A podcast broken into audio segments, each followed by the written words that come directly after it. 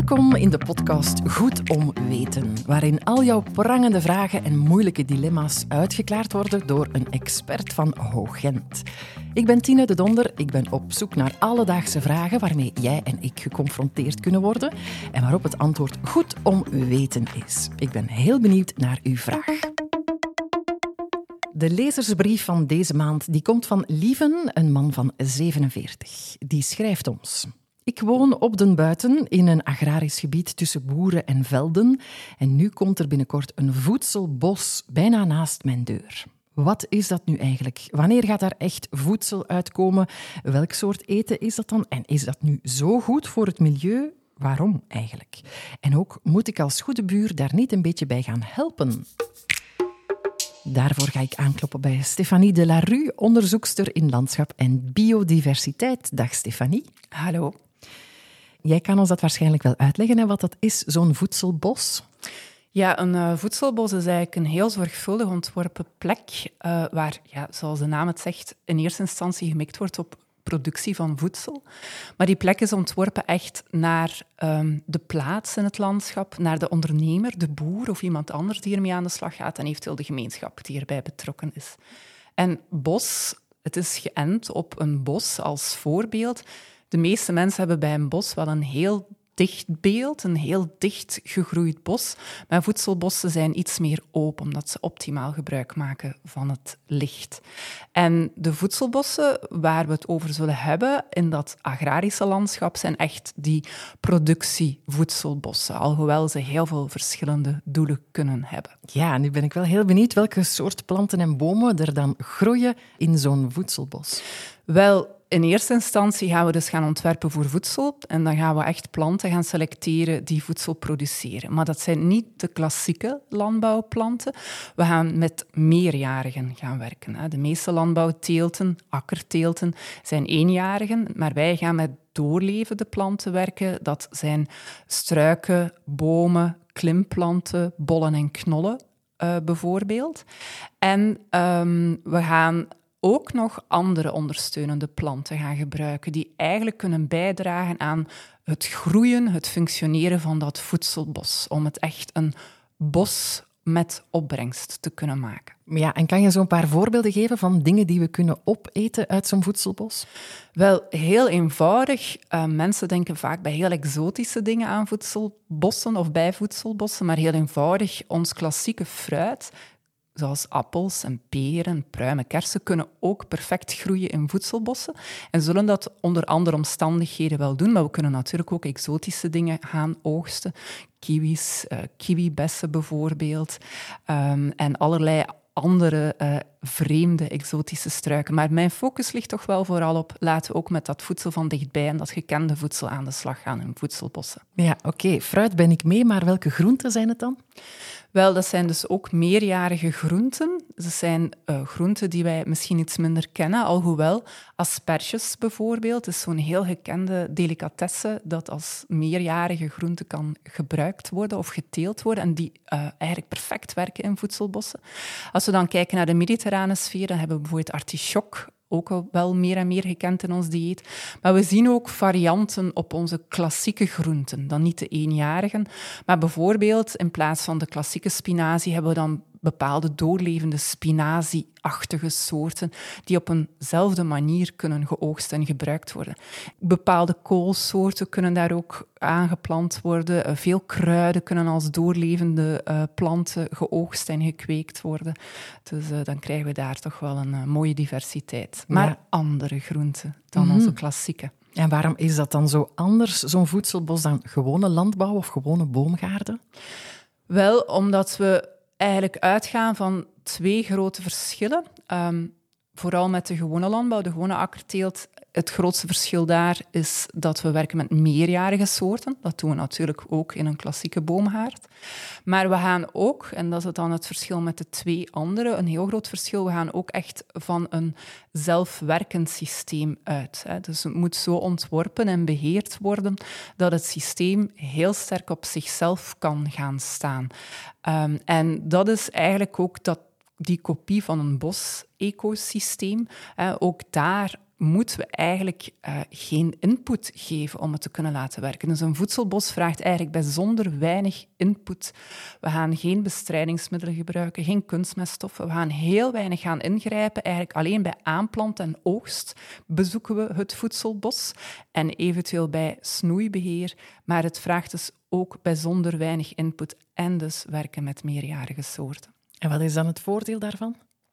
Het voordeel daarvan is dat je eigenlijk um, als landbouwer, als ondernemer, op die manier bijzonder onafhankelijk kunt gaan opereren. Je hebt veel minder kosten richting die input, richting je machines, richting middelen die je zou nodig hebben op het land. Maar het voordeel is zeker ook voor de maatschappij ongelooflijk belangrijk, omdat uh, voedselbossen eigenlijk bijdragen in het landbouwgebied dan aan een grotere biodiversiteit, gecombineerd met voedselteelt, aan klimaat, hè, zowel um, afkoeling van de omgeving bijvoorbeeld, maar evenzeer het vastleggen van koolstof, het veel beter vasthouden van water bijvoorbeeld. Dus we zien eigenlijk dat zowel voor de ondernemer als voor de maatschappij en de directe omgeving er eigenlijk heel wat voordelen aan verbonden zijn. Ja, dus die vraag van Lieven, is dat nu zo goed voor het milieu? Waarom eigenlijk, is bij deze beantwoord?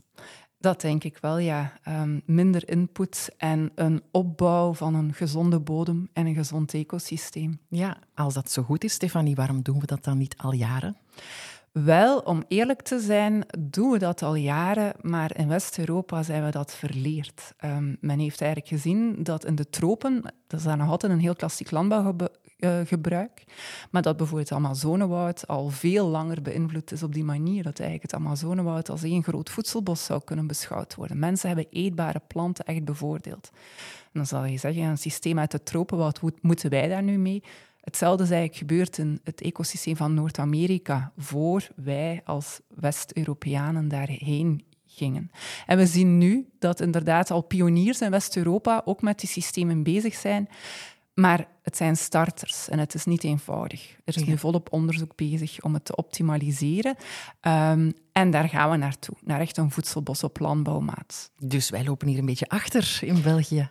In Nederland en België lopen we wat achter, maar tegelijkertijd zetten we ongelooflijk grote stappen vooruit. Dus kunnen we eigenlijk wel zien dat we in West-Europa, dat de lage landen voortrekkers aan het worden zijn. Zijn er eigenlijk al veel voedselbossen in Vlaanderen? De pioniersvoedselbossen die zijn de laatste 10, 20 jaar echt wel in de opmars. Maar als ik spreek over pioniersvoedselbossen, dan zijn dat echte eerste experimenteervoedselbossen. Mensen die vanuit een persoonlijke passie vaak veel te veel planten bij elkaar gaan zetten. Maar dat is een heel goede leerschool gebleken om echt die opstap te maken naar meer professionele voedselbossen.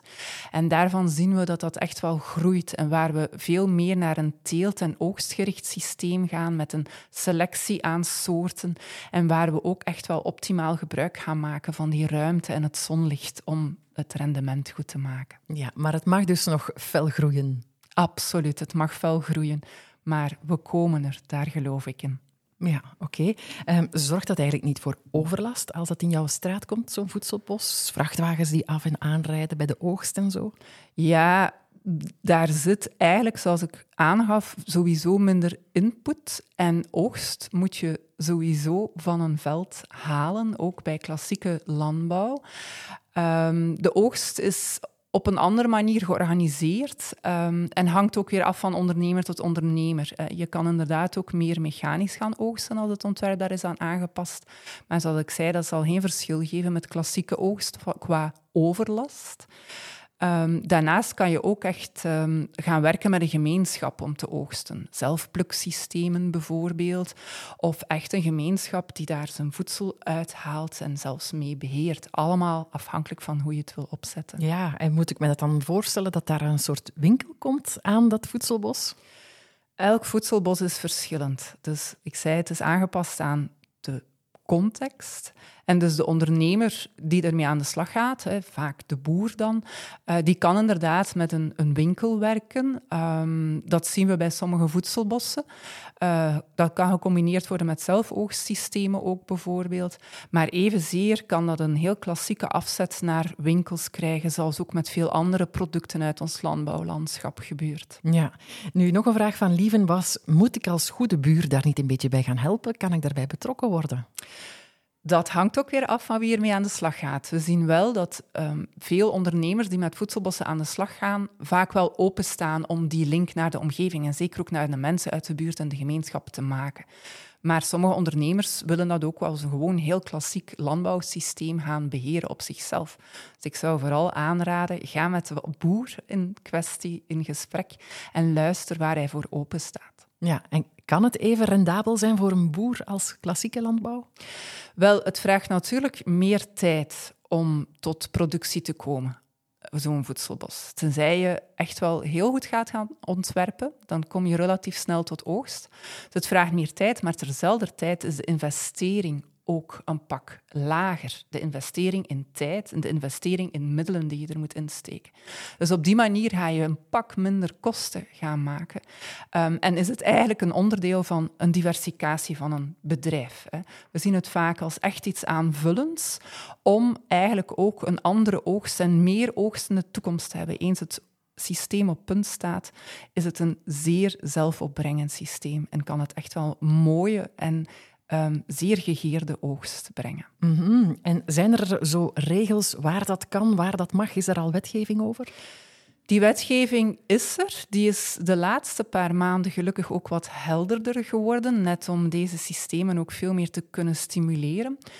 Um, en die wetgeving is vooral geënt dan op de landbouwer die ermee aan de slag gaat. Het gaat zowel over regelgeving als over ook ondersteuning. Want net als bij andere landbouwproductiesystemen is ook hier subsidiëring voor mogelijk. Dat is bij eender welk landbouwmodel trouwens zo. En um, dan gaat het over dat je um, met voedselbossen, hoe vreemd het ook klinkt, niet in een bos aan de slag gaat, maar dat je eigenlijk bij voorkeur een klassiek landbouwgebied, een grasland, een akkerland bijvoorbeeld, gaat omzetten. Bossen zijn beschermd in Vlaanderen en daar gaan we eigenlijk niet met voedselteelt aan de slag. We gaan wel een bos op een andere plek gaan beginnen, een juiste plek in het landschap. Oké, tot slot, Stefanie, wat kunnen we nu zeggen aan Lieven? Mag hij blij zijn met zo'n voedselbos vlakbij hem? Ik zou heel blij zijn met zo'n voedselbos vlakbij. Um, het is een, een, een heel mooi een ecosysteem. Het gaat een hele mooie plek worden. Um, en hij zal er dus ook die voordelen van ervaren. Koeling in de zomer, beter vasthouden van water, uh, veel meer biodiversiteit in die omgeving. Dus het lijkt mij absoluut fijn om daar vlakbij te mogen wonen. Ja, alleen maar voordelen. Ik hoor het. Alle info en nog veel meer hierover vind je ook op onze website hogent.be slash goed is dat. Dit was een podcast van Hogent. Elke maand beantwoordt een expert een vraag van een luisteraar. Zit jij zelf met een probleem of zoek je advies? Mail ons dan op goedomweten.hogent.be en wie weet leggen we jouw vraag dan voor aan een van onze specialisten. Heel graag tot de volgende keer.